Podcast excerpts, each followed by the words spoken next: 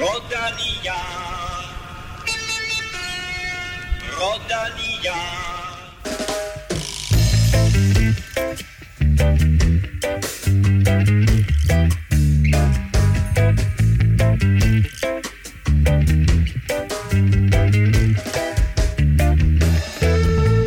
Et vildt efterår er Vuelta a España sæsonens sidste World Tour løb, og efter i dag er rytterne i Spanien præcis halvvejs. Vi kigger tilbage på de seneste tre etapper og kigger frem mod weekendens store slag på Anglerud. Og med det, velkommen til mine to faste slagsbrødre. Okay. Nej, nej, nej, det, det passer faktisk ikke. Det var faktisk dårligt. Nå, Kim Plesner og Stefan Juhl. Jo, tak. Velkommen til. Tak. Kim, det ender med, at vi får en Vuelta her, der bliver præcis lige så spændende som afslutningen i turen og Giroen. Ja, det vil, det vil da være, det vil da være fantastisk, men øh, det kunne godt ligne lidt noget, noget duel i hvert fald indtil videre mellem, øh, mellem Roglic og Carapaz, men, øh, men jeg, man har jo lært af erfaring, at man skal lige, skal lige vente til, til sidst i en Grand Tour, før man øh, begynder at spå om, hvem det er, der skal køre med om sejren. Nå, men præcis jo. Netop derfor, at øh, Roglic har smidt tid. Carapaz ligger til at vinde den. Nu kommer Roglic tilbage, så Ja. er rigtig, rigtig interessant at se, hvad der sker her i den sidste halvdel af løbet.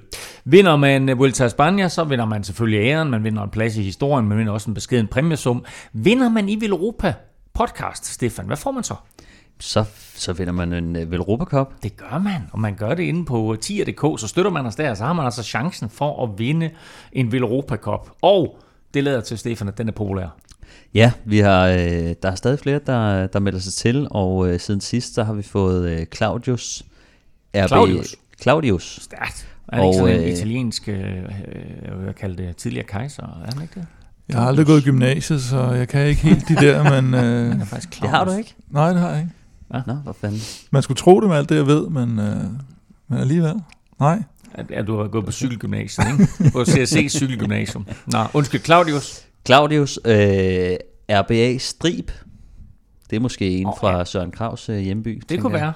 jeg. Øh, Thomas Ams og Mads Møller. Sådan, ham kender jeg øvrigt. Oh. Okay. Sådan, velkommen til jer alle fire. Uh, tusind tak, og også tusind tak til alle jer, der støtter og har støttet gennem lang tid. Mit navn er Claus Elming. Du lytter til Velropa Podcast, præsenteret i samarbejde med Zetland og Otse fra Danske Spil.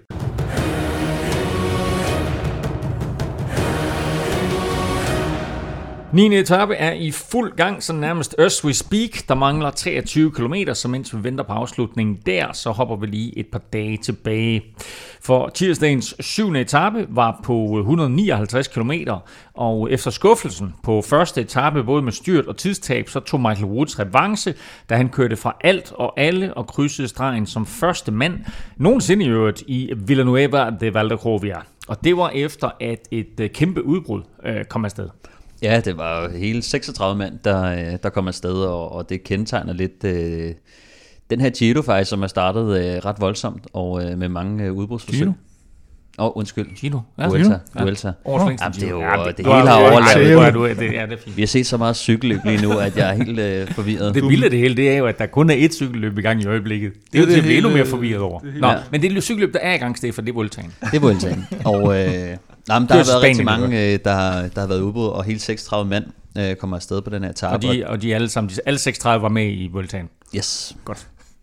Og øh, det var ikke bare øh, hvem som helst, øh, et par øh, spanske ryttere og sådan noget. Det var øh, Valverde og Formulo, Rui Costa, Omar Freile, Nance Peters og Michael Woods. Øh, så, så nogle virkelig, virkelig stærke navne, hvor man bare ved, at det kommer nok til at holde hjem, øh, uanset hvad. Og øh, ja, så havde vi også øh, Magnus Kort med jo. Og Niklas E. sad der faktisk Niklas E. også. også, ja. ja. Øh, som øh, dog, øh, det er lidt ærgerligt, ikke? fordi at, øh, så får vi endelig nogle danskere med, og så er det bare så vanvittigt stærkt et udbrud, at man bare ved, det var ikke lige, det er ikke lige i dag, det bliver til noget. Men det interessante med Kort, det var jo egentlig, at det var ligesom om, at der var en taktisk beslutning om, at øh, da, da, da først Michael Woods han kommer op til udbruddet, mm. så er det ligesom om, at så får Kort at vide, så ven, så kan du godt tage ned og, og passe på Hugh Carthy. Ja, og det, det, der er jo nogen, der, der skal gøre det, ikke? Og, og de skulle jo over et par, par stigninger undervejs, så, øh, så når, når Michael Woods han ikke er der, øh, så, øh, så mangler han øh, lidt støtte, og øh, så passer det meget godt, at Magnus Kohl han kan falde tilbage til ham. Michael Woods han sad jo så til gengæld øh, sad over, fordi at øh, Nibali, han, nej øh, undskyld, Wow. der er virkelig italiensk stemning nu. Øh, Du har forberedt dig på et helt andet løb? Ja, det er, Okay, så forstår jeg. Øh, nej, Valverde han var jo med derop, og han er jo sådan set en trussel i klassementet for, for Hugh Carthy, så Michael Woods han får jo fripas og, og kan sidde over øh, meget af dagen.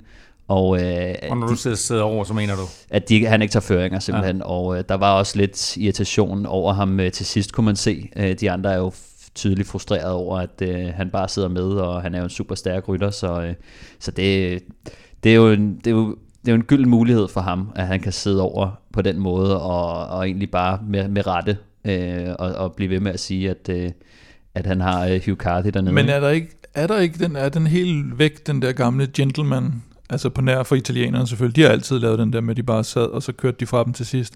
Men der var jo sådan en som Jens Vogt, der også, han havde siddet på bagsmækken i det, det hele udbrud, og så sagde han, "Nå, men jeg, jeg vil ikke, så vil jeg ikke vinde etappen. Altså så nægtede han simpelthen at tage etappesejren. Den, ja. den kører man ikke med mere. Ej, det er virkelig flot, hvis man kan smide sådan en i hvert fald, øh, en stor etape sejr. Nå, der er mere, at man gør det med vilje, fordi man siger, øh, af, af simpelthen øh, øh, etiske årsager, der er det Ja. klart, jeg sidder ikke bare på bagsmækken, og så tager etappen til sidst.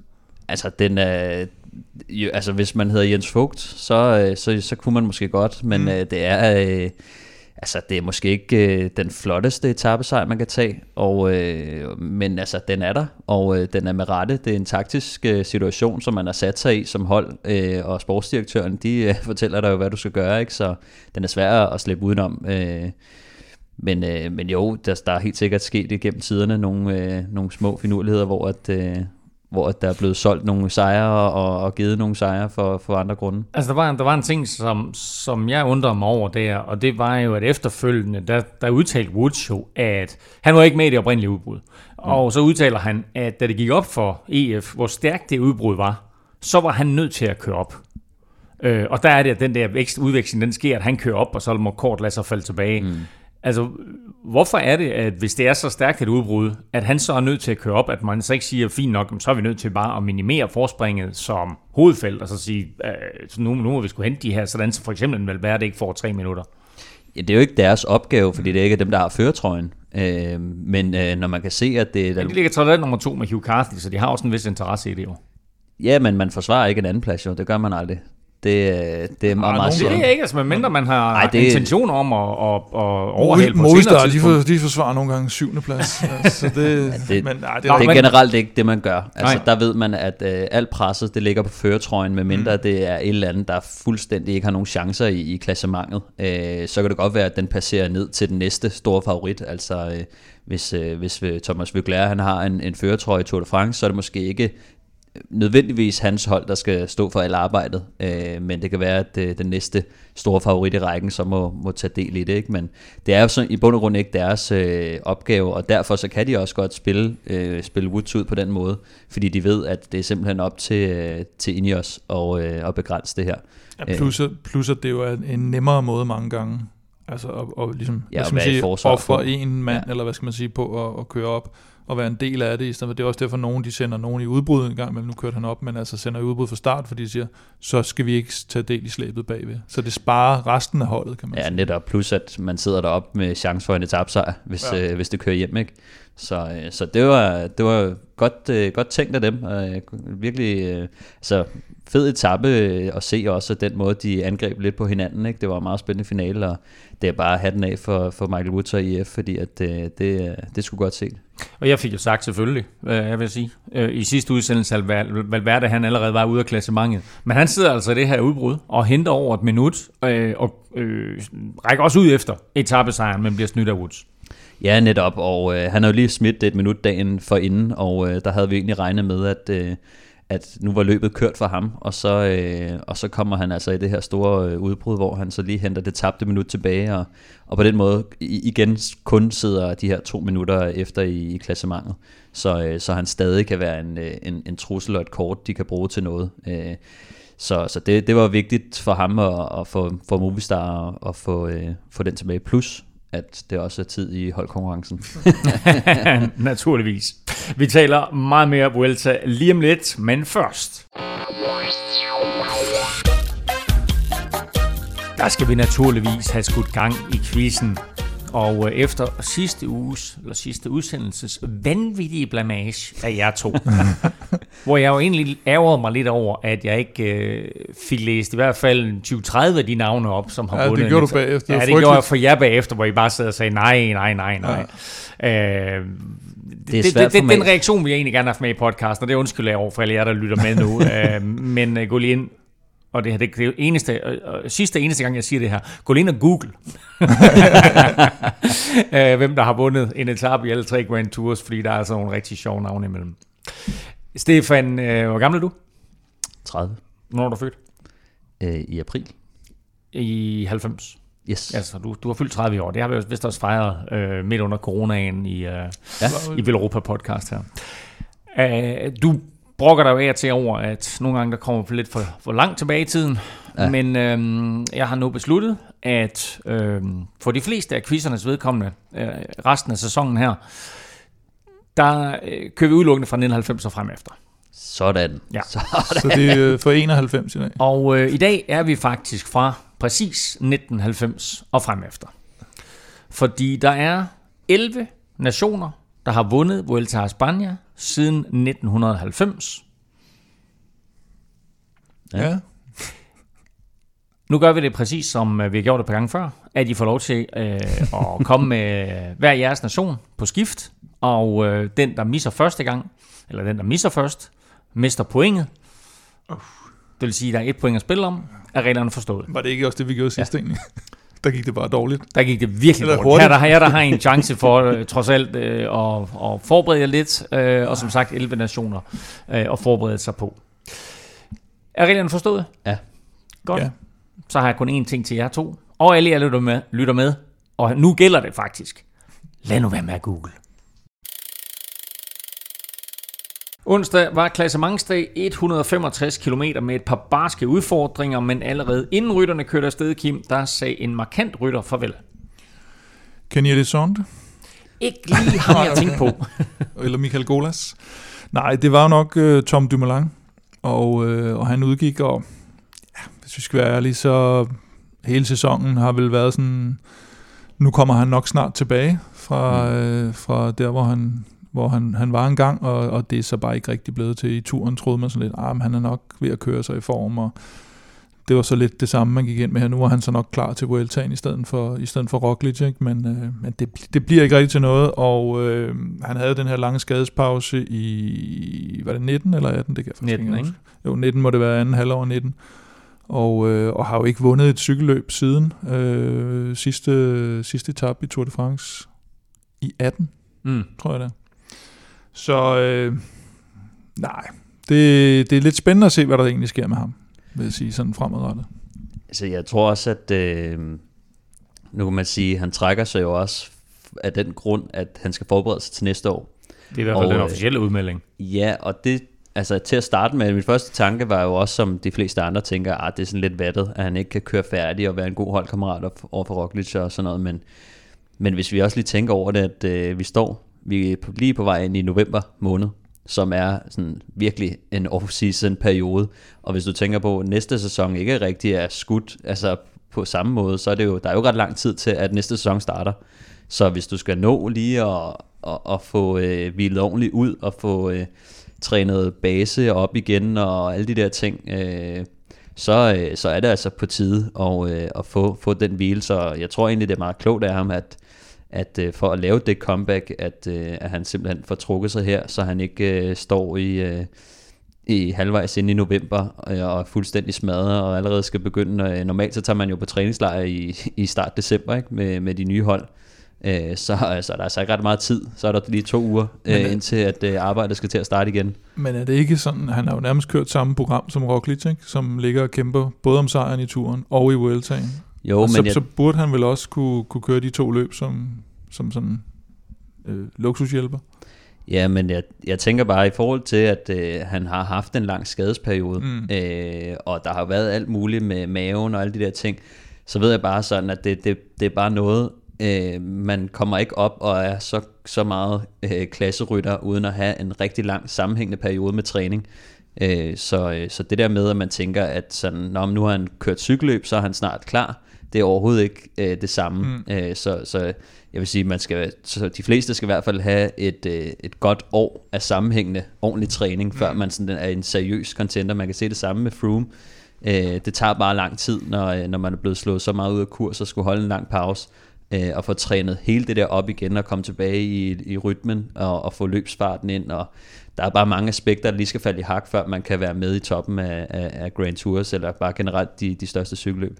Og så havde han vel også regnet med at kunne yde mere i det her løb her, så det er vel også et, et mentalt øh, slag i, i panden på ham dag efter dag, at han ikke øh, kan sidde med, når det virkelig begynder at gå opad. Ja, for, altså for sådan en stor stjerne, som altså han blev købt tilbage til Holland, kan man sige, til, til Jumbo Visma, ikke? Øh, og, og skulle være den, den helt store stjerne på det hold og det er han jo på ingen måde blevet, men, men det er rigtigt nok, som Stefan siger, det er jo nok et efterslæb, for, for, der, der stadigvæk hænger lidt for, det, for den her skadespause. Og det er jo også det med, som han selv har været ude at sige, han startede med at sige det i turen, og har så gentaget sig selv i Vueltaen, det her med, at han, han forventede egentlig, at han var bedre kørende. Mm. Øh, og, og det er det er bare det der, altså der, der tror jeg også, der ligger den lidt i, at han skal lidt øh, hjem og hjem tilbage til tegnebrættet og, og se, hvad, hvad er det egentlig, der er gået galt. Øh, Øh, mange gange så kan det være, øh, at, at han har presset lidt for meget på, øh, hvor hans krop måske ikke har været helt øh, klar til at tage den træning ind. Så når han kan sidde og se, at han, jeg har simpelthen kørt programmerne, som jeg skulle, men øh, kroppen øh, har ikke taget det ind på samme måde, fordi at der har været et eller andet galt. Øh, han ikke kan, det kan godt være, at du kører en, en 200 km tur, men så er det, øh, der, der, der er vidt forskel på, hvordan kroppen reagerer på det, alt efter hvor god form man er. Og, og hvor gammel man er. Ja, men han er jo kun øh, 29 år gammel, mm. ikke? så det er jo ikke fordi, han er mm. over the hill, eller i hvert fald ikke burde være det endnu. Så, øh, så jeg, jeg tror egentlig, at øh, næste år bliver, bliver meget bedre for ham, men øh, hans problem er jo selvfølgelig, at han er på et, et super stærkt hold, øh, hvor det kan være svært at, øh, at, at komme til fadet. Nu bragte du det her op med, øh, hvornår øh, næste sæson begynder. Det er jo lidt interessant faktisk, at øh, vi står her og på, på tærskel til, at et vildt efterår slutter. Og jeg så lige en udmelding om, at der er tvivl om, hvordan øh, de har tænkt sig at afvikle øh, Tour Down Under. Mm. Vi ved, at Tour of California allerede øh, er øh, død og, og borte. Øh, det har ikke noget med coronaen at gøre. Det meldte de allerede ud sidste år, eller i år var det jo. Øh, så vi ved faktisk ikke helt, hvornår sæsonen øh, går i gang 2021. Det er, det er en snak, vi kommer til at tage på, øh, på et senere tidspunkt, men der begynder nok så småt begynder at komme nyheder omkring det her øh, i de kommende uger. Tilbage til etappen her, mm. øh, fordi det var som sagt øh, ren klassementskamp, og den bød på en øh, skarp stigning op på målstregen, øh, som lå oppe i Alto de Moncavillo. Og der blev også skarp konkurrence øh, blandt de største favoritter, og så så Roglic og Jumbo Visma faktisk ikke ud som om, at de savnede Dumoulin helt vildt. Nej, de var helt tilbage i, i hopla efter, efter den her regnværsaffære, eller regnjakke-affære, de havde. Regnjakke-gate. De, regnjakke-gate, de havde øh, der kostede både hele holdet og Roglic, øh, øh, Roglic specifikt nogle placeringer. Øh, og han lavede det der signatur move, der gerne ligger et sted mellem øh, 500 meter og 1 km før mål. Den her gang var det faktisk nærmest 1,1 før mål, så han var, han var rigtig frisk og, øh, og kørt fra øh, hele bundet, og, og, og Sepp Kuss var også øh, var godt med, George Bennett lå, og, og, og Vingegaard var faktisk også lidt mere med, end, end han har været, ser ud til at køre sig lidt op. Så, så både holdmæssigt og øh, Roglic-mæssigt, der var de øh, tilbage, hvor de startede. Og det var det, vi diskuterede senest i udsendelsen netop. Var det her en enlig svale, eller var det noget, øh, de, de kommer tilbage på. Men han tabte, han tabte trods alt så meget tid, så han har behov for at gøre det her et par gange øh, i løbet af den næste halvanden uge. Han vinder etappen foran Carapaz, øh, i øvrigt i ret suveræn stil. Øh, men det er først efter, at de har kørt sådan lidt mod hinanden, mm. og Enrik Mars er der også og spiller lidt ud, og Valverde sidder der faktisk også og spiller lidt ud, og Dan Martin er der også, og der er et par EF-rytter. Ja, så det er sådan, var jo egentlig, de præcis. startede det jo nærmest med, og det, med det, Og det er sådan, det er, altså det, det, det er faktisk en super, super fed afslutning mm. hvor de sådan ligger og skyder og tester hinanden mm. lidt af, hvor den, der er mest tålmodig, jo sådan set er Roglic, som vel sagtens kan mærke, jeg har virkelig gode ben. Ja. Ja, netop. Altså, han starter jo med at, at sende uh, Sepp Kuss afsted, og, og, og sidder så og venter lidt af, og, og prøver lidt at sætte Carapaz uh, lidt under pres på den måde, selvom um, om Sepp Kuss ikke er den største trussel uh, længere.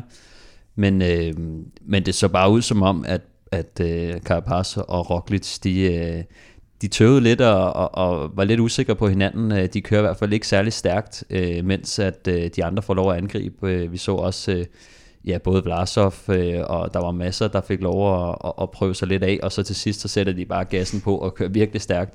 Men det er Øh, sjovt at se, ikke? fordi der, hvor de kører stærkt, det er jo faktisk på de rigtig stejle stykker. Der, hvor ja. Larsov han kører stærkt, det er jo lige der, hvor den flader ud. Der er sådan et, mm. et stykke med 12 procent, og så et stykke med 14 procent, og mellem de to, der er sådan et fladt stykke. Og der kan han, i øvrigt fantastisk kørt af Vlasov, det skal slet ikke ja. være det, fordi han får mm. kæmpet sig op. Og så giver han den max gas lige der, og der sad man og tænkte, hold kæft, et hul han har slået. Ja. Men det er selvfølgelig også et hul, der bliver slået, fordi det er fladere. Men det var helt tydeligt, at når det virkelig blev stejlt, så var Carapaz og Roglic altså bare en klasse for sig. Ja, ja, netop, og man kunne se, de, øh, altså, jeg var sgu i tvivl om, de kunne hente Vlasov, altså man sad, de så Mhm. alligevel lidt pinte ud, og, og så lige pludselig, når de sætter gassen på, så, øh, altså, så fløj de jo bare forbi, ikke? Så, så man kunne se, at, øh, at de to virkelig øh, er usikre på, øh, hvem der er stærkest, og, og, og gerne vil, altså, ja. De prøvede helt klart hinanden lidt af, ikke? fordi så angreb Carapaz, og så tænkte man, ah, okay, og, sådan, ja. og så kiggede Roglic bare på, og tænkte, okay, er det det, du har? Og så, så kørte han, kørte han, og så uden med kørte ikke? Carapaz, Ja. og, så, øh, og så trådte han så endelig øh, fra ja. til sidst, Roglic. Men øh, han får faktisk et forholdsvis stort forspring til sidst, fordi det var sådan, okay, du ved, så lå han lige sådan 20 Mm. meter foran, og man, hvis, man, hvis man sådan lige talte sekunder, hvis man kørte en øh, personlig tid, så var det ikke mere end 2-3 sekunder, men da han krydser stregen, der er der lige pludselig et stort hul ned til Carapaz, så han ender med at komme ind 13 sekunder foran, så han viser altså, at i de her mano a mano øh, battles på de stejle bjerge, der han, var han skarpest i hvert fald på den her etape, ja. og det er klart, at det skal han også være, hvis han skal hente de sekunder, han er bagefter. Ja, så kommer der noget enkeltstart også og sådan noget, ikke? så, så det, det er selvfølgelig et regnestykke, vi må, vi må gøre op lidt senere, men, men, men det, er, det er meget fascinerende at se de her, indtil løbet sådan rigtig har sat sig, så er det jo sådan en form for avanceret forhjulslir, der egentlig bliver Mm. kørt, at man, øh, man sidder og tester hinanden lidt af, og fordi hvis øh, ligesom i Giroen for eksempel, hvor det lige pludselig havde sat sig med, at Kelterman vidste godt, at han sad ikke med i den der, altså, der var en hastighed der, og så måtte han sidde og køre der, og så ligesom om, at så indretter man sig nærmest efter det, når man rammer et bjerg. Hvor her, der var det helt tydeligt at se, at der, jamen, så var det den ene, og så var det den anden, og Movistar lagde op til det, og så lige pludselig kørte EF, og så kørte Vlasov, og så til sidst var det de andre. Så, så den, er sådan, den er sådan stadigvæk lidt i spil, og der kan også stadigvæk være nogle variationer fra etape til etape, og folk kan, kan misse en regnjakke og så videre. Så, så, så før den har sat sig helt, så, så kan vi godt få de her, sådan vedløbsmæssigt i hvert fald, øh, sjove, øh, sjovt øh, kørte etaper. Var det godt skuespil af, af Carapaz og Roglic, eller var det bare overmodigt af EF, at, øh, at de forsøgte sig og, og, tænkte, at nu skulle de have anden, eta- anden etappe sig i træk? Jeg, jeg synes, det er, det er fedt at se, at uh, Hugh Carthy uh, tør at, at køre. Altså det, som ofte så ser vi jo bare suret fast til, uh, til, til de bedste, ikke? altså til Roglic, at de ikke rigtig tør, men, uh, men de griber også ud efter det, og jeg synes, det er godt set, at øh, fordi vi har altså den her duel mellem Carapaz og Roglic, øh, og de sidder og kigger meget på hinanden, så der er altså plads til, at, øh, at de godt kan øh, tage chancen og, og udnytte den der taktiske duel, der er mellem de to. Så, øh, så, så det er fedt, og, og jeg tror sgu også på, at, øh, at Hugh Carthy kan, kan nappe den der etappesejr på et tidspunkt, fordi øh, han er sgu fræk nok til at prøve. Det er jo et staldtip, som øh, vi måske får lidt senere. Øhm, så har vi øh, Movistar, Kim, som du jo har haft øh, et, øh, et godt øje til, og apropos øh, staldtip, så er, er det vel Velropas vinder, øh, som ja, du har... Det, var, der var et par podier i hvert fald, øh, som, som begynder, er som begynder hvor, at se lidt Hvor skidt du tænker på, øh, på, på Altså en Henrik Mars for eksempel. Altså, øh, Ja, men det, kan der sige, var- han bider, han bider tænder sammen her. Nej, men det, og, og, det, og kommer ind... Hvad kommer han ind? Kommer han ind en minut efter de to første? Eller Ja, sådan små, et lille minut, ikke? men det der var problemet var jo, at de, de havde virkelig lagt op til den her. Ikke? Det var dem, mm. der havde skabt hele etappen, eller hvad skal man sige, det var dem, der havde, der havde fyret kul på, indtil de rammer stigning og lagt op til det helt store angreb, og Valverde havde udtalt ind i etappen, at Henrik, vi kører for Henrik Mars, og han kender stigningen og sådan noget. Og da de så rammer den, så, så, så kan man godt se, at han sidder og bakser lidt med det Det, i ved hvad, starten. det gjorde han allerede inden de ramte stigningen. altså det, men han så, han så faktisk træt ud, da, da der blev skruet fart, og fart blev skruet op hen mod stigningen, der lignede han ikke en, der var klar Ja, til dagens så ham der fra siden, så tænkte jeg også, om der var lidt sådan lidt Christoph-mave på ham nærmest, altså, hvor jeg tænkte, det, det går sgu da ikke godt det der, altså han er overhovedet trimmet nok ned til det der, ikke? men det kan snyde, når du sidder der, det ved man jo på, på cyklen Ja, fra det- siden, ikke? men alligevel, så, altså, det der, han, måtte, han måtte virkelig ned i et meget, meget lille gear, meget, meget Der tidligt. var, der var god spol på der. Ja, det var øh, der med mig. Og han Øh, måtte ud, hva- så i svingene, Ja. så kørte han ud af toten, hvor den ikke hælder så Åh, det meget. den er altså, altid god. Ja, den men, klassiker, ikke? øh, men jeg synes øh, faktisk, øh, Esteban Chavez, han, han sagde det også meget godt, det der med, at Movistar faktisk virkelig skød den af hen til stigningen, mm, så, øh, så han var i hvert fald helt blokeret, da de først ramte stigningen, og øh, det kan nogle gange være lidt problem for... Det var øh, masser også. for, for, ja, men det kan det jo nogle gange være, ikke? specielt fordi, at sådan, hvis, øh, hvis man kører meget stærkt, og, og der er lidt en lille smule kantvind, og, og man ikke får placeret sig helt ordentligt, så kan, øh, så kan ens eget hold nogle gange også ende med, at hvis du selv som bæreste mand sidder og blaffer lidt, øh, og, og, og taber lidt kræfter på det, så, og så er han jo en meget let rytter, som måske ikke er, er, er den øh, nemmeste at, at pakke sig væk i, i vinden også. Han er jo både høj og, og tynd, ikke? så det er jo... Altså, ja, jeg tror også, det er lidt det, det der rammer ham. Øh, at, Og så er det heller ikke skide fedt at sidde dernede bagerst, og så skyder alle bare. Altså, du ja. ved, det var alle, han sad med den der gruppe der til sidst. For han sidder jo faktisk i den der sidste, hvad er det, en 6-7 mand til sidst, ikke? Jo, jo. Hvor det hele det så går mok. Han der, prøver jo han prøver at hænge på, og han prøver også at hænge på over evne. Han kunne måske have, måske kunne han have nøjes med at tage 30 sekunder, hvis han havde kørt den mere konservativt ind. Men det er jo klart, når, du har, når, du, når der er blevet bagt sådan op til, at du skal nærmest lancere et angreb, så kan du heller ikke bare sidde og, og give slip fra starten. Og jeg tror måske, det har været lidt også noget forventningspres. Vi har jo faktisk ikke set Henrik Mars vi har jo aldrig rigtig set, at der har været forventninger til ham på samme måde. Han kørte for Quickstep og var sådan helt nærmest øh, kom sådan lidt ukendt frem sådan til en andenpladsen. rolle, ikke? fordi de ikke rigtig har nogen Og i forventninger turen der. var han jo heller ikke sådan det der, der store øh, favorit i det felt. Nu er han lige pludselig på hjemmeholdet her. Movistar, Mm. Valverde som hjælper. og Nu er der eddermamer krav til ham, ikke? Og det kan godt være, at det lige øh, slår lidt ned i benene, når, når der skal præsteres, ikke? En, der øh, har præsteret, og øh, i hvert fald har udfyldt sin opgave, og du, du nævnte ham lige før, Kim, det er Jonas Vingegaard, fordi han har faktisk set rigtig godt ud, øh, og sidder med længere og længere i bjergene. Ja, altså han har i hvert fald øh, kørt sig lidt bedre ind i løbet øh, til at starte med. Der, øh, der, der kommer han til at, at føre lidt på, på, på fladbanen, og hans opgaver ligger jo også lidt tidligere, fordi de har så bjergstærkt et hold med Sepp Kuss og George Bennett, øh, og øh, de har også øh, Robert Gesink, som, øh, som også kører rigtig stærkt. Øh, så jeg, jeg tror, men jeg tror til gengæld, at hans, hans rolle vil blive lidt større, nu vi går ind i, i bjergene, for de har kun de her to Går fladbaneryttere. ind i bjergene, det har der kun været bjerge Ja, i, nå, men jeg i mener- indtil videre. Det jeg mener, det er en, øh, specielt her i weekenden for eksempel, De hvor der, bjerge. hvor der kommer bjerge fra start af. Øh, altså fra start til slut kører de op og ned, Mm, mm, ikke? Øh, der mister de forholdsvis hurtigt Leonard Hofstede og øh, Paul Martin, som de har med som, som de her to øh, fladbaneryttere. Så der tror jeg, at han bliver øh, meget synlig sammen med Robert Gesink, og øh, jeg tror godt, at øh, det skal så være de to mand, der, der skal sætte øh, de andre tre, øh, hvad hedder det, kan man sige, nærmest tre kaptajner op, ikke? Øh, så, så jeg tror, at øh, jeg tror, vi får øh, meget Jonas Vingegaard at se sammen med Robert Gesink i, i weekenden. I øvrigt så hørte jeg, Magnus Kort at han sad med til 7 km fra mål på, øh, på den etape der. Så det, der har ikke været mange tilbage der. Ja, Magnus gjorde. Ja. ja jamen, han sad jo rigtig, rigtig Ja. godt øh, i lang tid, og det var ganske imponerende. Det vidner se. om, at formen den er ved at være. Ja, best, bestemt. Øhm, Se, man kan noget på 9. etape. Så. 9. etape er i fuld gang, som sagt. Vi skal se afslutningen nu, øh, så her kommer en, øh, en lille hurtig quiz. Stefan, hvem Nå. vinder? Øh, jamen lige nu, der fører øh, Bora, og øh, Så vinder Sam Bennett, han har lige skulderskubbet lidt, så øh, der, øh, der er kamp om placeringerne. Ja, og Kim, hvem, hvem siger du vinder? Jeg bliver nødt til at tage Ackermann jo, men det er mere på fordoms øh, drill med Stefan og Danny Magnus van Kort Poppen. kraftet med. Og kommer Magnus Kort. Ah, den er lidt langt ude. Så, godt. Vi vender tilbage skarpt med afslutningen på 9. etape lige om lidt. Og lige om lidt, det er lige nu. Uh, etappen var på 158 km fra Cast- Castrillo, Cast, Castrillo uh, del Val til Aguilar de Campu. Og det var Campu, ja. Det hedder Campu, ligesom shampoo. Ja. Uh, og det var faktisk det var en etape, der sådan blev kørt lidt op i højderne, fordi altså, der var ret flad, men den blev kørt sådan i næsten 1000 meters højde hele dagen. Og Michael Mørkøv og Sam Bennett havde naturligvis sat et stort fedt kryds i kalenderen her. Det havde øh, Magnus Kort og alle de andre sprinter også. Og hvordan endte det så? Jamen det endte som øh, cykelpressen foreskrev, nemlig at Sam Bennett tog sejren. Øh, og det gjorde han egentlig, Stefan, i ganske overlegen stil.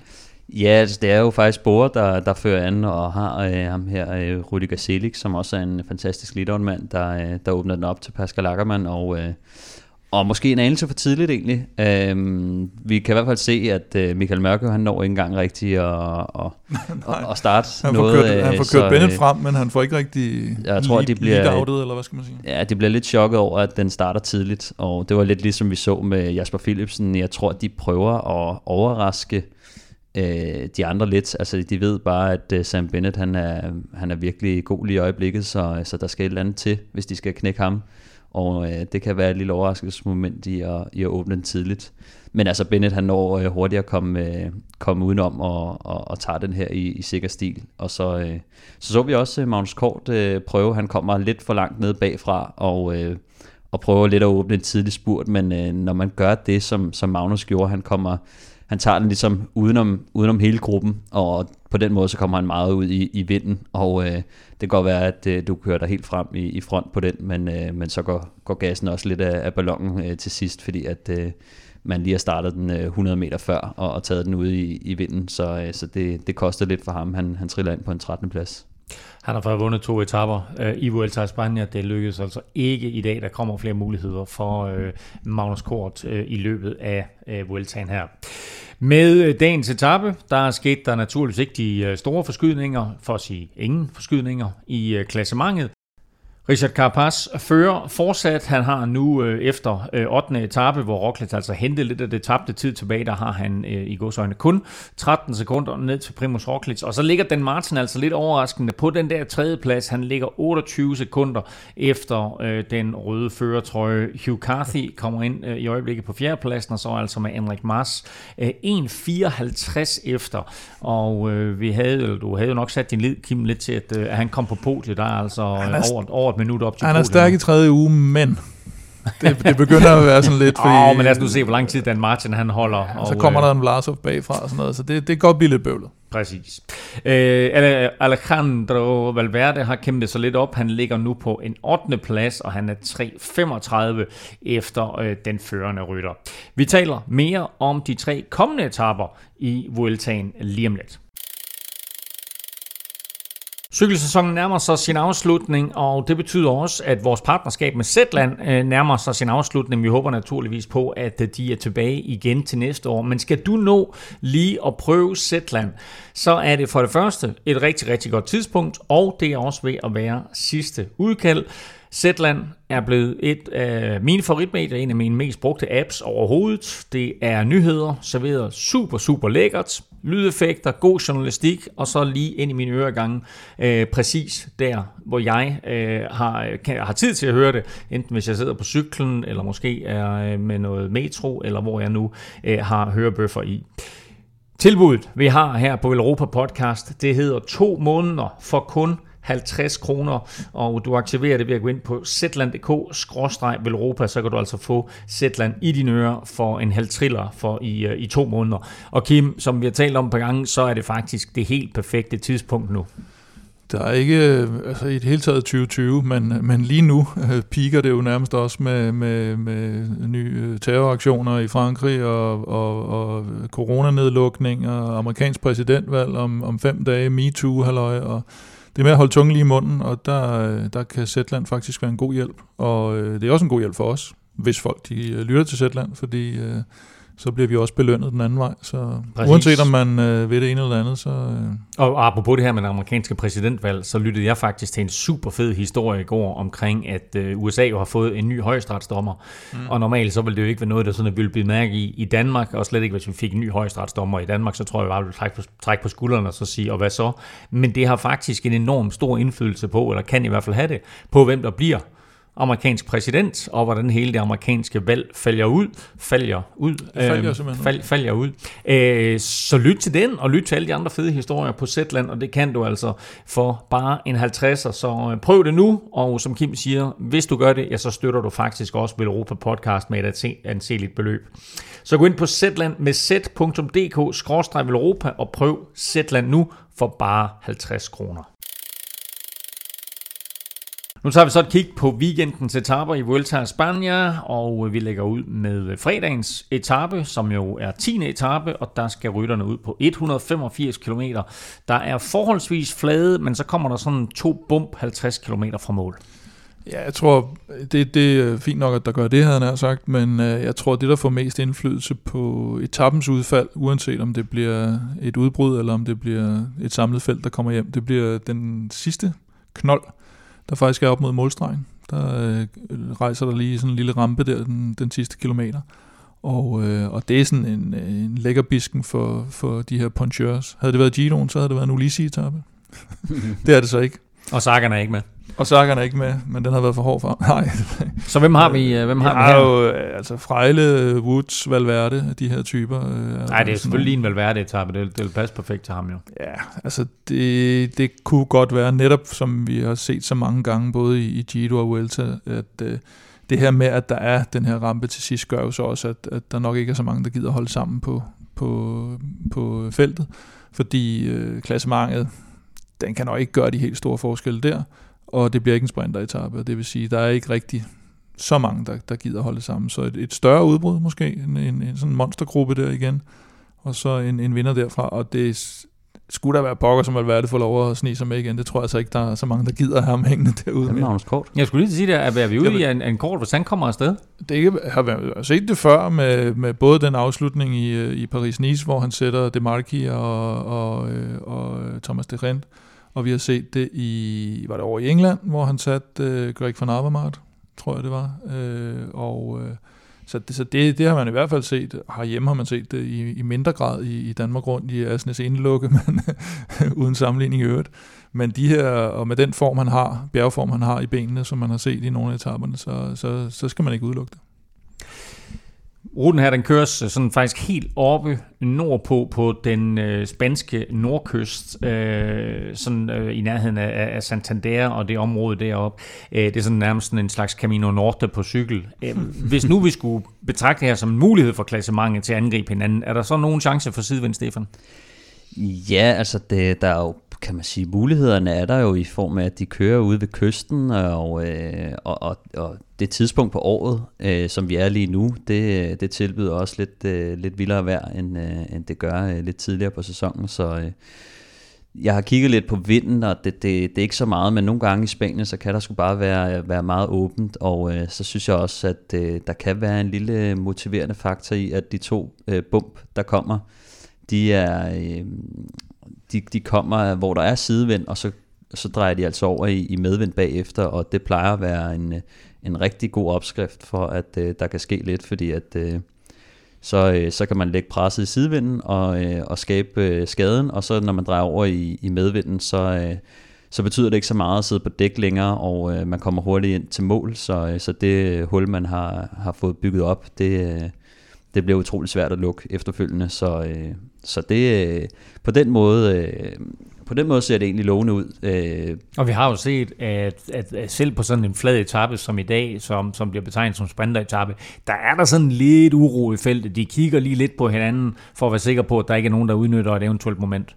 Ja, det er klart. Altså, så snart man kan, kan mærke lidt, øh, lidt vind, øh, så, øh, så er det så med at være vaks. Vi har set øh, Movistar prøve lidt øh, tidligere, og... Øh, og jeg, tænk, jeg har også tænkt meget over det her med, at Movistar faktisk har et, øh, et, et, et hold, der er sådan okay stærkt på, på flad vej, og øh, samt, altså mere end, end, end Jumbo Visma i hvert fald har. Så, øh, så jeg tror altså, at det kunne være sjovt for dem at, at prøve at trykke lidt af hen over de to knolde der og se, hvad der sker. Fordi at øh, de kan meget nemt smide øh, øh, Hofstede og Martens øh, fra, fra Jumbo Visma, og så sidder der altså øh, Luther øh, bjergrytter tilbage fra Jumbo mm. Visma og skal, skal kæmpe med det i, i sidevinden, hvor at øh, Movistar øh, kender terrænet. Altså, de er også på hjemmebane, øh, og, og de har lidt bøvl øh, med Henrik Mars på stigningerne, så de skal finde øh, nogle andre muligheder end at måske at køre på, øh, på Angliru. Øh, så, så det er lidt svært for dem at hænge hatten øh, på, på den etape. Og når vi siger bump, så, øh, så er det faktisk ikke bare sådan nogle små knolde. Altså, den, den, den største af de to, det er den, der hedder Alto di San Cipriano, som er på 5,5 km med gennemsnit på 4,4. Mm. Øh, så det minder også lidt om en, øh, en afslutning i Milano Sanremo for eksempel. Men jeg er også lidt i tvivl altså med, med den afslutning der, øh, hvor hård den egentlig er, om, om sprinterholdene faktisk kan være lidt interesseret, fordi at sådan en mand som øh, Sam Bennett, øh, han, øh, han plejer altså også at, at gøre sig rimelig godt på de der, øh, ikke alt for hårde afslutninger, men, øh, men hvor den stiger øh, blidt også, som den gør her. Øh, så, så sprinterholdene kunne måske også øh, være lidt interesseret. Vi ved også, at Bora har været meget flittig til at skabe lidt kaos, primært med, med Sagan, men øh, nu hvor øh, Ackermann ikke har vundet nogen etap, så kunne det også være en mulighed for dem at sige, øh, vi prøver skulle lige at, at trykke ned og skabe noget kaos og, og se, hvad der sker. Så, øh, så det, det er bare en, selvom den ser lidt kedelig ud på papiret, øh, så, øh, så kunne den snilt lægge op til, til både øh, nogle af sprinterholdene, der skaber noget kaos, eller at øh, Movistar eller et andet hold vil, vil prøve at smide nogen. Jeg synes, vi fik talt kort op til, at, øh, at det er en etape for ham, så lad os, bare, lad, os, lad os bare håbe, at det er ham, der napper den. Øh, i weekenden, der øh, kommer han nok ikke på podiet af nogle af dagene, fordi lørdag skal rytterne ud på 11. etape, der har mål på toppen af La Farapona, øh, og det er altså øh, den sidste af fem stigninger, og den, den sidste af fire, øh, kan vi vel godt tillade os at kalde det ganske udmavende stigninger på den her etape. Ja, der kommer for, øh, faktisk så er det, den sidste er jo ikke set over hele stigningen, er det nok ikke den værste af, de, af de tre sidste, fordi de, de to næst sidste, hvis man kan sige det sådan, det er virkelig nogle krabater, de er så ikke så lange. Men til gengæld så er øh, de sidste 6 km af den her afslutningsstigning, de ligger med, på mellem 8 og 10 procent hele tiden. Og det vil sige, så har du igen den der situation, hvor at der er ikke så meget risiko øh, for at begynde at lave et angreb, fordi der, den, den slipper ikke igen. Og det vil sige, du der kommer ikke lige pludselig et eller andet, øh, hverken øh, flat stykke eller noget, der, der lige pludselig er nogen, der kommer, kommer op igen. Så, så der er det bare all out til sidst. Og så den der Farapone afslutning, den kender vi jo faktisk også sådan lidt fra historisk sammenhæng, Kim. Ja, det var i 2014, øh, hvor Contador han, øh, han slog Froome. Det er ved at være et, et stykke tid siden. Og faktisk grundlag sin sejr i, øh, i 2014 uh, Contador. Så der, så, har, I, der har I lidt Så du siger simpelthen, at der er en spanier, der har vundet Spanien Jeg siger rundt. simpelthen, at der er en spanier, der har vundet uh, Spanien rundt uh, mm. siden 1900. Det er jo en, led, en hashtag ledetråd. Det, det er jo en ledetråd plæster, der er på banen igen Præcis. her. Ja. Nå. Så må du finde ud af i stedet for, om du vil svare først eller ej. Lørdagen her uh, skal helt sikkert nok byde på noget... Uh, noget øh, klassementskamp. det skal blive på noget i hvert fald. Det skal nok blive ja, på noget. Ja. Den skal nok blive på ja, uanset om de kommer først øh, til stregen, eller om det er et udbrud, så bliver der klassementskamp på det sidste bjerg, det gør der. Og så øh, det fede er, at det kun er forret jo. Det er nemlig en forret, fordi søndag, der kommer der et legendarisk bjerg. Men inden vi skal tale om det, så skal vi lige have trukket lod om en sprit ny Velropa Cup. Og vi trækker lod om en øh, kop i hver. Først, så skal vi lige sige tak. Tak. Ja. Det skal vi altid. Vi det skal, skal vi også sige, Vi skal sige tak til dem, der støtter os. Det, er det, helt skal vi, det skal vi også lige senere i forbindelse med. Men øh, jeg synes, det er fedt. Den der, vi har selv været meget øh, farhumoragtige og, og med Velropa Jeg er glad for, du tager den på. Jeg, og, jeg er glad for, du tager på den, den på hele trioen, øh, efter at jeg kom med noget copy, og hvad var ja. den anden, at det kunne men, øh, men nu vælter det jo også ind med, med Kop van de Wetstreit og Koppenberg og hvad fanden der ellers er. Ikke? Så der er sikkert masser af, af gode ord derude nu, så, så skal bo, grobund for det her, det, er, en, det, her, det, er jo, det her det er jo den første kop. Og jeg kan lige så godt sige det, der er lavet 50 af de her kopper, ja, det så det er et lille eksklusivt oplag. Den næste kop, vi laver, der kan det være, at vi skal have kop fra der Wetstrei på, og Copy, og øh, ja. Koppenberg, og, og hvad der ellers er. Vi, vi opfordrer til, at I må meget gerne øh, på Twitter eller andre sociale medier skrive øh, jeres forskellige øh, far-cop-jokes ind. Men øh, når det så er sagt, så tusind tak til alle jer, der støtter, og øh, har støttet gennem lang tid, og øh, vi gør det jo på den måde, at blandt alle jer, der støtter, der trækker vi noget om en kop, og det gør vi faktisk i hver udsendelse her resten af sæsonen.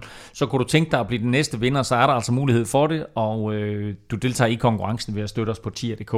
Beløbet er valgfrit, og du donerer hver gang vi udgiver en ny podcast, og når du så donerer, ja, så har du altså muligheden for at deltage i lodtrækninger, og du gør det faktisk automatisk, og øh, lodtrækning i øjeblikket er en kop plus diverse, og Kim, diverse i den her uge, det er? Diverse i den her uge var jo den her kasket, jeg, jeg fandt, du fandt øh, godt langt gemt inde i, i pulterkammeret. Så øh, det er en, øh, en legende plus legende lodtrækning. Sådan, så det er simpelthen, altså det er en af de oprindelige... Og det er også vil, en legende, der skal trække lod. Vil Europa kasketter. Så præmiepuljen i den her uge er den anden øh, Velropa Cup plus en af Velropa kasket, trukket af legenden Stefan Jones. Nå, du hørte den godt. Jeg tænkte, den fløj helt hen over hovedet for dig. Nej, så gemmer du den. Jeg er da helt styr på. Oh. Øh, ja, jeg har lige øh, kørt den igennem min, øh, min randomizer, og øh, der øh, Det lyder kom frækt. Hvad? Hvor? Nej, ikke, ikke noget. Ikke Nå, okay. Så er du med hjem og se min randomizer? Ja. Vil du med hjem og prøve min randomizer? Ja, den, jeg forstår den overhovedet ikke. Men øh, fair nok. øhm, navnet, der kom ud i den anden ende, det var... Øh, Som man siger. det er vanskeligt. navnet, vinderen er... Og vinderne er. Og skal vinderen er... Var der også noget fragt i den? Nej, nej, Nå, okay. Det er, det, det er pjat. Øhm, det er Shagai. Det er det står J-G-A-A-J, og øh, af GDPR-mæssige grunde, så kan jeg ikke afsløre meget mere. Men, øh, men den person får øh, en, øh, en mail og øh, tilsendt øh, en kop og en kasket.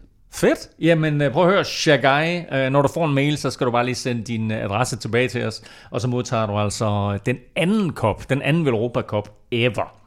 Og for alle vores lodtrækninger, der gør vi det jo på den måde, at for hver fem, du donerer, der får du et lod i puljen. Hvor meget havde Shagai jo doneret?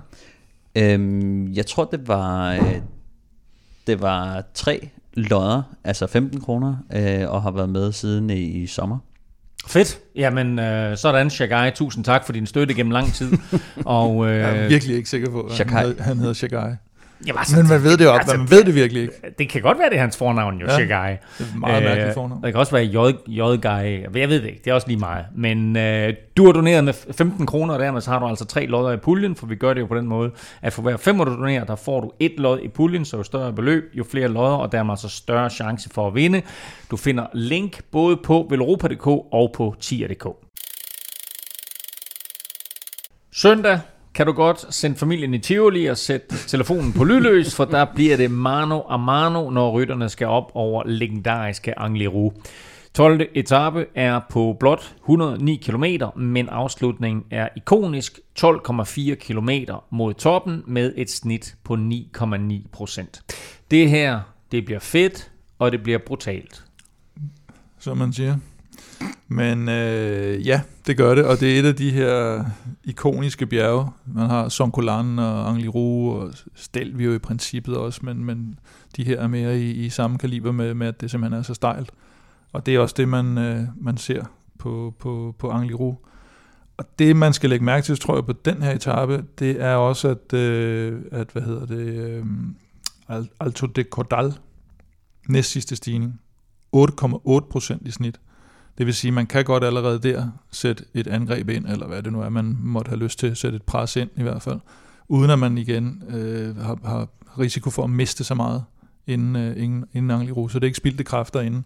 Øh, og så kommer, altså kommer den her Angliru. Ja, fordi så er der, der er noget med 30 km nedkørsel fra den næst sidste stigning, ikke? Lige ned i bunden, og det er ikke, der er ingen flad vej overhovedet. Det er så snart den nedkørsel den er slut, Den kan, så går det lige op ad Angliru. Den kan bruges som enten sådan en øh, ja, lille aperitif, eller, eller, eller netop til at, typisk for Movistar eller Jumbo, måske, øh, ja, måske endda Ineos, sætte pres på, hvis man gerne vil have gjort løbet ekstra hårdt. Og rent faktisk kan man også, alt efter hvor desperat man er, nu er det relativt tidligt i øh, Weltagen. Vi ved det ikke om lørdagen, kan det være, der er nogen, der har kørt helt ud af brættet. Hvis de skal ud og angribe tidligt, en Chavez eller en eller anden, altså, så, så, så, så kan man sige, okay, jeg tager sgu chancen helt herudefra. Og så kan man faktisk gøre det der, og ikke, og ikke kun på, på Angliru. Og så kommer der jo på Angliru, kommer jo den her, den her gedesti med, med, med en, en 3-4 km fra mål, ikke? Og, og vi er oppe at have de her øh, 20-25 procent i stigning. Det er sådan lige så det nærmer sig de der, hvor man kan sige, at, at det bliver næsten sådan helt fjollet, så, så, så stejlt det bliver. Og det, der bliver ikke sådan, lige på de steder der bliver der jo heller ikke lavet det der, altså, du, du kan, altså bare du træder cyklen rundt, har du en minimumsfart, og det er den minimumsfart, som, som langt de fleste egentlig kører på. Mm. Hvis du skal ned under den minimumsfart, så skal du næsten stå af. Så, så, øh, Vi så har jo allerede set nogle stejle stigninger i Vueltaen her. Vi har set øh, forskel blive skabt på de, på de stejle stigninger. Ja. Øh, den der gedesti, Stefan, som, øh, som, som Kim han nævner, hvad er det for noget?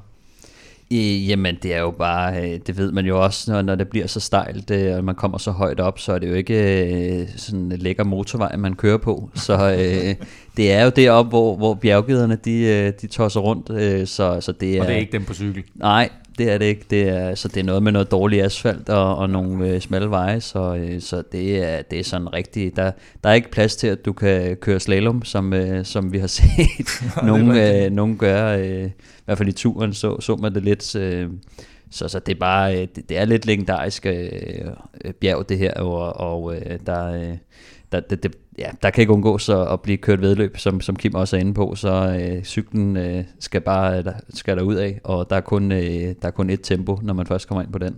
Og der er hviledag dagen efter, så det er jo meget med mm. at give fuld skrue her. Altså man har lige mulighed for at smide benene op øh, om mandagen, i hvert fald hvis man er cykelrytter. Øh, der er det lidt dejligere, lidt nemmere at sidde derhjemme i sofaen og, og, og, og se det her fantastiske battle, vi får op ad Angli Hvem er favoritter, Kim, her på søndag? Ja, men det må umiddelbart jo være, være Carapaz og Roglic, tror jeg, der Nå, kommer til at... Nå, alligevel. ja. øh, der, kommer, der kommer til at ligge, øh, ligge foran der. Og så, øh, så synes jeg, at jeg, skulle, jeg er blevet overrasket over Hugh Carthy egentlig. Altså nu, nu brændte han lige øh, en, en, en tændstik lidt for hårdt der, men, men, øh, men øh, bare det, at han har overskud til at gå i angreb, altså man kan sige, Henrik Mars havde sgu ikke noget overskud til hverken at, at forsøge noget som helst. Øh, så så han, han har imponeret mig lidt, og så ser det ud som om, at øh, Vlasov han, øh, han bliver bedre og bedre i løbet af, af Vueltaen. Og hvad med Dan Martin, der kan træer? Jamen, han kører jo, man kan sige, han, han er jo sådan lidt sådan en rytter, der aldrig rigtig falder igennem. Og han er også sådan en rytter, der aldrig nok vinder de her øh, Grand Tours selvfølgelig. Øh, så, så han kører jo sådan relativt stabilt. Men jeg har svært ved at se ham vinde en, der, der slutter opad. Den er meget stejl, den her. Øh, og øh, det, det er i Spanien, det er Spanien rundt. Du nævner ikke Valverde på nogen måde, han ligger trods alt stadigvæk til. Er, er, det, er det ikke noget for ham, det her? Jamen, jeg tror, hvis, hvis han skal noget, så skal han jo nok ud og have noget forspring inden, øh, hvis han skal have en chance. Det, det er nok lidt tvivlsomt. Alt efter, hvordan det er gået om lørdagen igen, er det nok tvivlsomt, om, om han, han er så stor en rytter, om han får lov til sådan noget. Og så har han også stadigvæk en bunden opgave i, i Henrik Mars. Men præcis, Henrik Mars, er lang og tynd. Hvordan ligger sådan en stigning til ham? Øh, hvad hedder det? Øh, jeg tror ikke, der er så meget, der ligger så godt til ham lige nu øh, du mener, han er den, lidt øh, form. Ja, men altså, han, er, han, han disponerer det okay, og, og lidt ligesom Kelterman, hvor man i Gidom, hvor man havde regnet med, at han godt kunne sidde lidt bedre med, og så disponerer han, han falder ikke sådan helt igennem, og han skal holde sig inden til den her tredje uge, hvor, hvor han måske kan hente noget af det tabte hjem, men det ser ikke ud som om, det er lige nu, han begynder at lave sit comeback i hvert fald. Så han kan godt være ryge, ryge sådan lidt i problemer. Er der andre, Stefan, som får det svært her på Angliru? Eller på etappen i det hele taget? Ja, altså jeg sidder og tænker, øh, blandt andet Esteban Chavez i hvert fald havde, øh, havde lidt problemer forleden. Øh, det, det forventer egentlig lidt kommer til at fortsætte. Det, det så ikke skide godt ud for ham. Så er der sådan en mand som, som Felix Gruschartner, som som jo startede godt, så faldt han lidt tilbage, så kom han lidt igen. han er også en lidt, lidt tungere øh, mand måske end, øh, end de andre. Øh, ser i hvert fald lidt mere buff ud, det tror jeg kommer til at koste lidt. Øh, det vil jeg egentlig også øh, have sagt om, om Roglic, som jo altså, minder jo om sådan en uh, Lance Armstrong statur nærmest. Altså, der skulle, der skulle bøffer på, og det, øh, det er også på, på overkroppen og, og armene, og dem kan du desværre ikke helt træde med. Så, så der burde jo i princippet være en lille øh, fordel til, til de tynde rytter, som, som Carapaz og, og Hugh Carthy. Men øh, jeg tror også til gengæld bare, at han er så stærk lige nu, at øh, det ikke spiller nogen rolle. Øhm, men altså ja, det er, det, det så Mark Soler sammen. Han er også lidt for stor. Når, øh, vi ved bare, når, når procenterne kommer helt derop omkring de 20 procent, så koster, altså, altså koster vægten bare meget mere. Øh, så, så det er ikke bare et bjerg på, på de her 6 procent, hvor at øh, Mark Soler og Rohan Dennis og de her typer, de kan, de kan komme, komme ind i en rytme. Rohan det her, Dennis? Det, er han med Nej, han er ikke med, men det var Nå, bare, nu har vi lige set, det, hvordan Ron Dennis har kunne køre, køre i bjerge, ikke? så, øh, så det, det er nogle af de der stigninger, som, som Kim jo sagde meget igennem Giro, det var, at de stigninger ikke var hårde nok, og det er jo de her 5-6 øh, procent, hvor, at, øh, hvor de lidt større rytter godt kan, kan, kan træde op. men når jeg det kommer... sige på den måde, som han sluttede Giro af, der ville ikke undre mig, om Rohan Dennis han lige pludselig har kørt Vueltaen også. Men er du enig i det her med, med Valverde? Ja, det, det, det synes jeg egentlig, altså, men, men, men jeg vil så også sige, at jeg tør ikke helt udelukke ham. Altså, øh, nogle gange så ser vi bare det der med, øh, altså, jeg vil klart udelukke ham som en, øh, som en vinder, øh, men at han kan komme ind og overraske og spille en, en rolle og måske køre øh, sådan en top 5-6 stykker det tør jeg ikke udelukke i hvert fald, at han kommer til at spille det, en rolle. Det er klart, altså hvis, hvis nu Henrik Mars skulle gå helt ned, så, så, ligger, så holder han sig jo til. Ja. Det er der ikke nogen tvivl om, og så får han, så får han fedtet en, øh, en 5. 10. plads hjem i, i et samlet, det tror jeg også. Og så, øh, så er han jo også en, der, der er bare bundstabil egentlig, mm. øh, hvor at øh, nogle af de andre godt kan, kan, kan svinge lidt i niveau. Øh, og så var det lidt sjovt, jeg sad og tjekkede lidt op på Valverde, han blev jo kaldt øh, El Baller, mm. øh, som jo er, betyder kuglen Og øh, så fandt jeg ud af, at han også har et andet øh, navn, som er El Impartido, som er den ubesejrede. Og øh, det skyldes, at øh, han på et tidspunkt som, som ungdomsrytter har vundet øh, 50 sejre i streg. Så øh, Wow. var det øh, El Marca, øh, der, Altså, avisen er avisen Marca, der havde døbt ham øh, det. El på- Impartido. Uh, heldig, heldigvis på en eller anden måde, når man er 40 år gammel, er der jo en, lidt længere mellem snapsene nu, trods alt. Ja, Nu må vi se. Uh, det vil i hvert fald være en kæmpe sejr for ham, hvis, uh, hvis han kan besejre Angliru og besejre alle de andre ryttere på Angliru. Helt sikkert er det i hvert fald, at det bliver en monsterfed etape, en monsterfed søndag. Uh, du kan se etappen og i øvrigt hele Vueltaen både på Discovery og på TV2. Vil Europa sponsoreres af Odset, der udbydes af danske licensspil. Odset tilbyder masser af odds og specials på alt det interessante ved cykelsporten. Husk, at man skal være minimum 18 år og spille med omtanke. Regler og vilkår gælder. Der er som bekendt kun 18 etapper i Vueltaen i år, og vi er altså dermed præcis halvvejs, som vi talte om lidt tidligere, så er stillingen den lige nu, at øh, Carapaz han fører, og det gør han altså foran Roglic og med Dan Martin på tredjepladsen. Vi skal have de øh, sædvanlige spiltips fra Oddshed, og der har vi jo faktisk nogle spiltips øh, kørende allerede, men skal naturligvis også have nogle nye på banen. Og øh, Kim, øh, du har faktisk ikke mindre end to Primus Roglic vedmål kørende, som øh, stadigvæk Og det har kan vi vel alle kan- sammen. Det er jo kan, vel kan, Europas, kan er nå jo- at gå hjem. Det er jo vel Europas vinder. Ja, det vil Europas vinder. Jeg siger så dem jo det, bare. Det er en fælles, men det er dig, der som regel plejer at præsentere den. Ja, og jeg vil sige, den vi har i dag, der vil jeg sige, der er det jo ren chikane, at der er det Stefan faktisk, der har valgt den, fordi det Nå. skulle have været Ackermann. Men det er Jasper Philipsen vinder en etape i Vueltaen, boostet til odds 3,30. Og vi så i dag anden plads. Han nærmer sig Ackermann. Jamen, det er ikke ham, der Altså. Ackermann, jamen, det var da ikke Jasper Philipsen, der blev toer. Hvad nummer, hvad nummer blev han i dag? Nej, præcis. Det er jo derfor, jeg siger. Ja. Det er jo skidt, at vi har ham som, øh, som spiltip. Men nu har vi det. Ja, men Ah, øh, Philipsen, jeg synes, han, han, øh, han jeg- blev femmer i dag, Jasper Philipsen. Ja, vi synes, at Jasper Philipsen, øh, han, øh, han har så godt ud. Øh, han har en, øh, en anden plads og øh, en øh, fjerdeplads. Og, øh, Og en femteplads i dag. og en femteplads. Ja.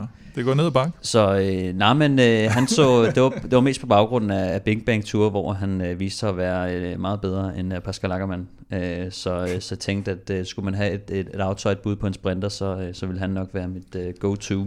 Problemet er, at han ikke rigtig har øh, et godt lead-out, som øh, Ackermann og Sam Bennett, men øh, han, altså, han er super hurtig, og, og han er sgu fræk, så... Øh, Der er kun et problem, og det er, at der er ikke så mange muligheder tilbage. Altså, der er den der Madrid-etappe, og så er det ikke fordi, det er sådan, at der er sådan, at super mange etapper tilbage.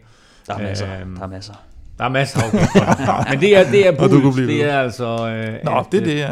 at Jasper Philipsen, han vinder en etape til odds 33, så har du, som jeg sagde, Kim, du har altså to Primus Roglic øh, vedmål kørende, og det oprindelige Primus Roglic vedmål på, at han vinder Vueltaen til 1,65, og da han så gik ned efter Jakkegate, der steg det odds faktisk til odds 3, dem de er altså begge to stadigvæk øh, i spil. Stefans staldtip.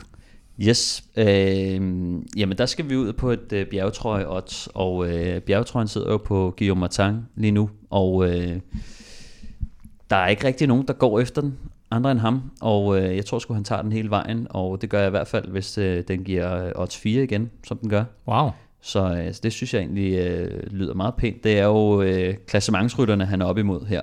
Øh, det er dem, som, øh, som ligger på de følgende pladser. Der er ikke rigtig nogen af dem, der, øh, der skal bruge den. Og øh, jeg tror, han kommer til at støvsuge øh, de der bjerge øh, inden øh, finalerne. Så, øh, så jeg tror, han, han skal ud på tok her i weekenden og, og skaffe sig en masse point. Og så, øh, og så, så spiller han nok ikke nogen faktor på, på Angliru eller øh, hvad den anden hed der om lørdagen. Der er stigning. Ja, et eller andet. Ja, jeg ikke huske det. Alto, Det er Alto, det er et eller andet. Øh, men ja, så... La, øh, La Farapona kørte i lørdag. Det er ikke svært at vinde hvis man er den eneste, der kæmper om den, tænker jeg. Så, øh, så det- jeg, synes egentlig, at odds 4, det, det lyder rigtig godt. Nu skal vi lige se øh, øh, Jeppe fra Oddset. Han skal lige øh, regne på det. Øh, men øh, han skrev til mig, at øh, det, det nok ville ligge på, på odds 4. Sådan, og det er altså boostet til odds 4 op fra cirka odds 3,6. Du har faktisk også to andre odds kørende, nemlig at øh, Astana vinder mindst tre etaper. Der har de altså nappet en, så mangler to her i, øh, på de sidste ni etaper. Og så at Hugh Carthy vinder en etape i Vueltaen øh, boostet til odds 4,40. Jeg synes efterhånden, sådan at vi, vi begynder at skal have fordelt de her etappesejre. Hvis Hugh Carthy skal vinde, og Astana skal have to, og Jesper Philipsen skal have ja. en enkelt ja. og så videre. Så det, man skal bare lytte til Europa Podcast, så har man simpelthen simpelthen facitlisten. Øh, Primus Roglic vinder Vuelta a España. Vi øh, skal lige have det sidste, nemlig Plesners podie. Det er sandt, og vi har været lidt inde på det. Vlasov øh, har ikke så ondt i maven. Han har ikke så ondt i maven at ja, han vinder en etape. Ja, det må han sådan set gerne, men øh, han skal sådan set bare komme i top 3 på øh, Angli-Etappen. Så er jeg tilfreds med, med Plesners podie. Og, øh, fordi så den det er giver, Roglic til Carapaz, og så kommer Blasov ind så kommer Blasov lige, øh, ja. eller også så sidder han med dem og får lige lov at køre til sidst, fordi det er jo ikke så stejlt. Ja. Ej, øh, boosted til 3, det, det er fint, øh, det er fint odds, synes jeg. det, er, det, er, det er fint, det er fint. Men han blev jo også fire på, øh, på den det. Øh, seneste bjergetap, så, øh, så både øh, hvis han øh, kører lidt udefra, eller hvis han øh, bare har exceptionelt gode ben. Og hvis han vinder, så har Stefan jo også en af sine Jamen, jeg sidder også og, for første gang sidder ja, jeg og håber på Plæsters podie. Og, kommer aldrig til at ske igen. Nå, der er noget med at Kim også, at Plæsters podie har et par Movistar øh, ved Ja, det begynder at se lidt, uh, lidt, halv, uh, lidt halvflabet ud med dem, men uh, det må vi se, om, om Mars han, uh, gør det igen og kommer, kommer på podiet i sidste uge. Du har Mars ender samlet top 3 til Boosted til odds 2.10, og så Movistar i top 3 i Vueltaen til odds 1.65. De er sådan lidt tynde. Det er desværre ikke holdkonkurrencen. Men der har vi altså øh, de tre øh, bud på øh, vedmål, øh, du skal spille her i weekenden. Jasper Philipsen vinder en etape øh, over de sidste ni etaper, øh, boostet til odds 3.30. Gilles Martin vinder bjergtrøjen, boostet til odds 4. Og Vlasov i top 3 på den her vilde etape til Angliru på søndag, boostet til odds 3. Det var dagens spiltips, bragt i samarbejde med Oddset fra Danske Spil. Vi skal lige omkring de vigtigste nyheder i cykelverdenen, hvor den største nyhed er en ikke-nyhed, nemlig at Tour de France-ruten for 2021 skulle have været offentliggjort i dag, men det blev den altså ikke, så derfor, hvis du øh, sidder og skuffet over, at vi ikke kan præsentere det, så er det faktisk ikke vores skyld, men øh, ASO, der har valgt at udskyde ja, offentliggørelsen til på søndag. du bare skylden på alle mulige andre, hva'? Ja, men det gør jeg. Men ja. jeg, jeg giver lige ASO, øh, og corona skylden for det her faktisk. Ja. Ja, det er blevet rykket og til på søndag, og øh, det bliver jo som nærmest, eller ikke som alt andet, men i hvert fald som meget andet, så bliver det, så bliver det online eller på tv, streamet, whatever, i stedet for at det bliver det her show, eller gala-show kan man vel ikke rigtig kalde det, men de møder der normalt op, de store favoritter i sådan en sal, og, øh, og så, så bliver der sådan lidt... Øh, skal vi kalde det proforma interviews med, at de glæder sig utrolig meget til alle rytterne til, øh, til, til turen og det bliver så mere øh, øh, stille, går stille for sig. Til gengæld så betyder det formentlig, at, øh, at vi kan have Kasper, Kasper Ankjærgaard, som vi jo har øh, altid som senior rutekorrespondent, at han kan blive færdig med, at øh, konen skal føde, som øh, det er nærmest... ja, det er selvfølgelig øh, også væsentligt. Det er as we speak, tror jeg. Ja. Øh, så det var rigtig dårlig timing med torsdag, så det kan være derfor, de har udsat. Så det er Velropa-effekten? Det må det være i, I fuld effekt. yderste potens, ja. Så det bliver, det bliver, som du siger, Kim, det bliver vist på, på tv i stedet for, og derfor så det her store presseopbud og øh, præsenteret i en eller anden flot sal i Paris, det er altså bliver gemt til, til en anden god gang. Det bliver naturligvis Christian Prydom, der præsenterer ruten. Øh, man kommer altså til at foregå på tv på, øh, på, på søndag. Og apropos Tour de France i 2021, så kan det jo meget vel blive med debut til Matthew van der Poel og hans hold Alpecin Phoenix. Ja, de var jo ikke med i, i år, men nu har vi de her systemer, hvor, øh, hvor man alt efter, om man øh, optjener point nok og, og ligger nummer et på ranglisten over de her næstbedste hold, kan, kan sikre sig en, en deltagelse, så ikke det længere er, er løbsarrangøren, der, der udelukkende bestemmer, hvem der skal, skal komme med. Og, øh, og der ligger de nummer et øh, på verdensranglisten blandt øh, pro-teams med næsten 5.000 point, så, så det ser fornuftigt ud. Og så vil jeg også sige, vi skal vel næsten nævne som en public service, at det er ikke næste år, der er turstart i Danmark. Det er jo så udsat til 2022, hvis der var, skulle være enkelte lyttere, der ikke, enten har misset det, eller har glemt det. Eller, så det er ikke, det er ikke turrute præsentationen med start i Danmark, der bliver præsenteret på søndag. Præcis. Øh, ruten der, den er jo så, eller starten er så lagt til Bretagne med øh, tre etapper derop, og øh, øh, ja, hvis, det, hvis nogen ikke skulle have opdaget det, så er det altså skudt til 2022 med starten øh, i Danmark. Øh, Alpecin Phoenix der har jo faktisk også en øh, dansk rytter på, nemlig øh, Lasse Normand. Mm. Øh, så det kunne være lidt interessant for ham også, fordi udover at øh, Alpecin Phoenix her ligger nummer et på verdensranglisten, og dermed automatisk får en invitation til Tour de France, så får de altså også en invitation til Vueltaen og til Giroen, og for den sags skyld til alle andre etabeløb på World Touren. Øh, det er en regel, der blev sat ind der, var det sidste år eller forrige år, mm. med at det de to bedste mandskaber øh, af pro-teams fik en invitation, men da så Kofidis blev gjort til, øh, til et World Tour hold, øh, så var der så kun tre wildcards tilbage, og dermed så blev der altså sat ned til kun det bedste øh, hold. Hvis nu NTT lukker, så er der jo faktisk en chance for, at vi kommer ned på 18 hold igen, og så er der altså både nummer 1 og 2 blandt de her World Tour teams, øh, der automatisk kommer med. Og der synes jeg, jeg har hørt nogle øh, typer som Rolf Sørensen og Rasmus Dager i går tale om, at der gik nogle rygter om, øh, at de måske øh, NTT er ved at være i en bedre situation, end de har været. Så og det, hvad ved vi om det? Det ved vi øh, cirka kun det om. Og nu. jeg har også lige en note, for oh, oh. Nu, nu nævner du uh, Lasse Normand, men det er så også givet, at uh, han får forlænget, fordi at, uh, jeg, har ikke, uh, jeg har ikke set, hvor han skulle, uh, inden hans kontrakt står til at udløbe i 2020. Okay, så, så måske Lasse Normand på 2021-holdet hos Alpecin Phoenix. Vi håber, at uh, Lasse Normand han, uh, han, han stadigvæk er hos dem. I hvert fald øh, står det fast, som sagt, at øh, Vuelta, eller ja, Vuelta Spanien nærmer sig sin afslutning, men at øh, vi altså, når vi er tilbage på søndag, øh, eller mandag bliver det faktisk med den næste udsendelse, så kan vi altså fortælle lidt mere om den her Tour de France-rute i 2021. Nu skal vi have fundet en vinder i quizzen. Måske skal vi have fundet en vinder i quizzen. Hvis I kan alle 11, så øh, får I begge to et point. Øhm, sidste gang, der var der 100 mulige svar. og jeg, jeg tror ikke, I ramte fire til sammen. Nå, men Stefan røg af på den første, jo. så hjalp du ham lidt, så røg han af på den anden. ja, det er ikke engang løgn, det var, sindssygt. Nå, I dag der er der altså kun, øh, i dag er der kun 11 rigtige svar, og øh, spørgsmålet var naturligvis, hvor mange nationer har vundet Vuelta a España sammenlagt siden 1990, Stefans fødselsår. Og øh, Stefan, det er ikke en fødselsdagsgave, det er en hårdt optjent... Øh, ja, det er nærmest, det er så godt som. Åh, oh, det er siden 90, siger du? Ja. Uh, Nå. pis. Nå, den, den har du ikke lige været med på. Mm. Jo, men jeg tror, jeg har en, der Nå. før 90. Det vil jeg sige, det er, ikke, det er ikke en fødselsdagsgave, men det er mere et hårdt optjent privilegium, nemlig at du har serveretten. Ja. Så spørgsmålet er, vil du benytte den, eller vil du lade Kim svare først? Jamen, jeg kan lige så godt uh, fjerne Spanien med det samme jo, hvis, uh, så det er så godt som, ikke? Godt, jamen så er, så er Spanien væk. Så fjerner jeg Belgien. Så fjerner du Belgien. Jeg skal lige prøve, I er nødt til lige at give mig lidt tid her, fordi jeg skal lige være helt sikker på, at, det er sådan, at, at jeg lige får dem alle sammen med. Uh, så, så på, at Stefan ikke kan se... Uh... Ja, jeg tror ikke, han kan, jeg tror ikke, han kan Belgien. se over. Så, øh, så siger vi lige øh, Belgien. Øh, Kim, øh, hvem fra Belgien skulle have vundet? Eddie Merckx.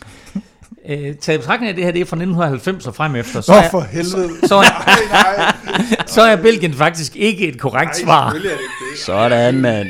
Bang. det, der. det er sindssygt. Jeg er jo helt væk på det der 90 jo. Jeg har jo jeg har bare læst det vinder. Skal jeg fortsætte uh, alene og tage point? Der, Kim. Vi når en hen. Og vi når ikke engang en hen. Nej, vi når ikke en hen. Godt, vi fik Spanien. Det var stærkt, Stefan. Nå. Nå, jamen, men i forhold til... Jamen, jamen prøv at det var, det var et point til, øh, til, Nå, men, til Stefan. Lad os lige gennemgå. Nej, men øh, jeg bliver nødt til bare lige, ja. at, at når Stefan laver sådan en klassefejl som sidst med Contador, siger du, okay, den streger vi, så går vi bare videre.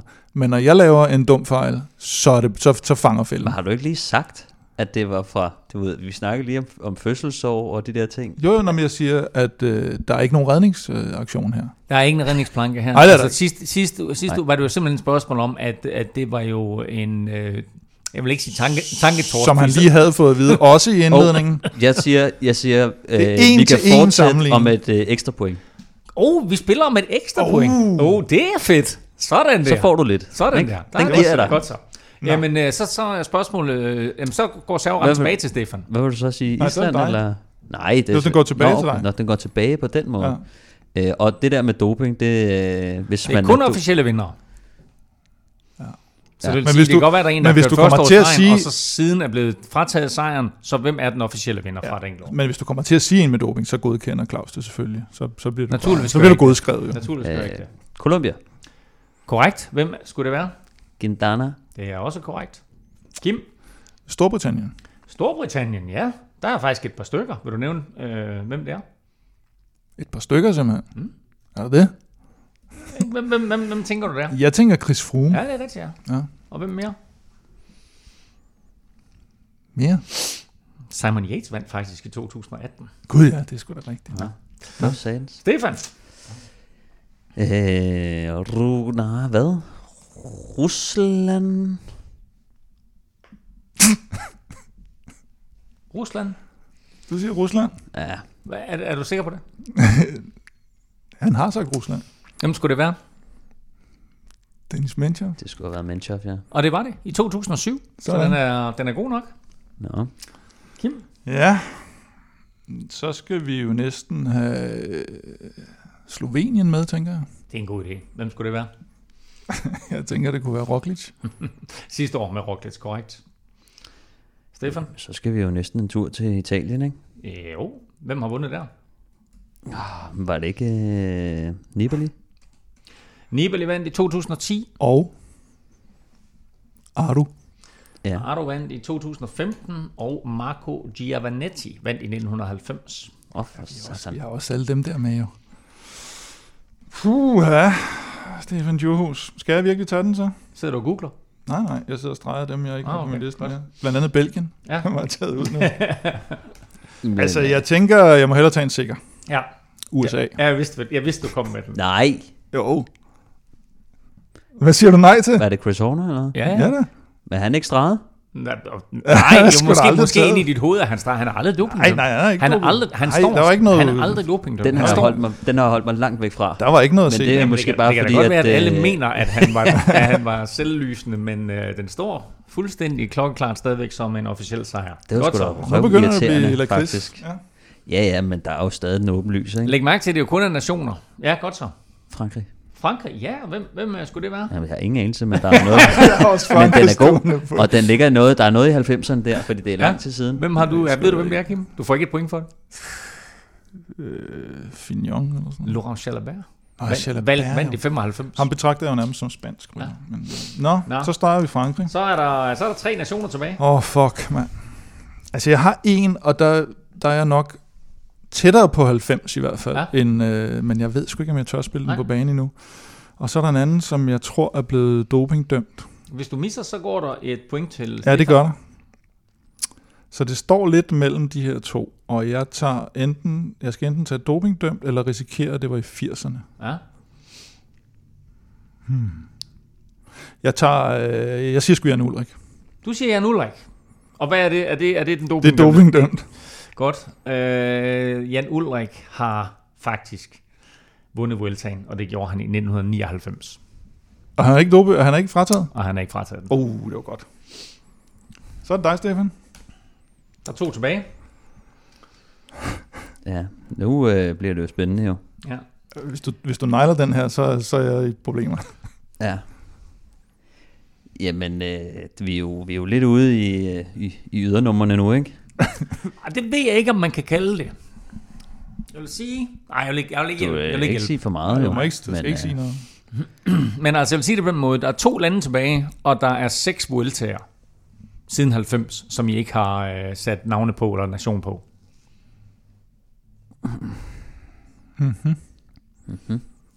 Ja, så er det sgu nok ikke ham der, jeg troede, der var i 80'erne. Øh, jamen, jeg Ja. tror, jeg vil smide en, øh, en, en Schweiz på bordet. En Schweiz, Stefan. Hvem skulle have vundet for Schweiz? Der er mange gode cykelrytter fra Schweiz. Tony? Rumminger? Ton- Tony Rominger. Der er, Ja, der er masser ja. af gode. Tony Rominger, han vandt øh, Vueltaen i 1992, 1993 og i 1994.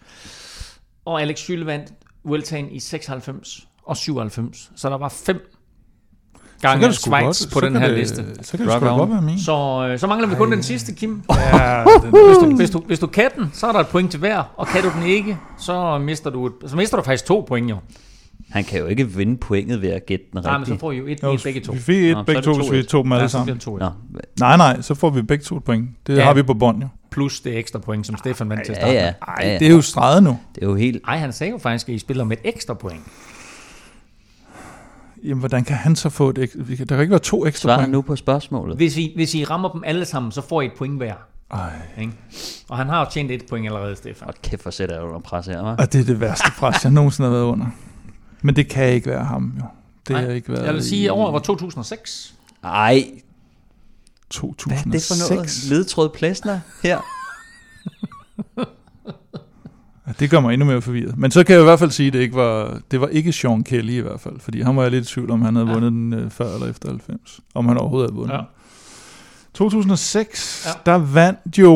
Øh, Ja. ja. det gjorde han, Der er 10 sekunder, Kim. ja. ja. Så skal vi have et svar.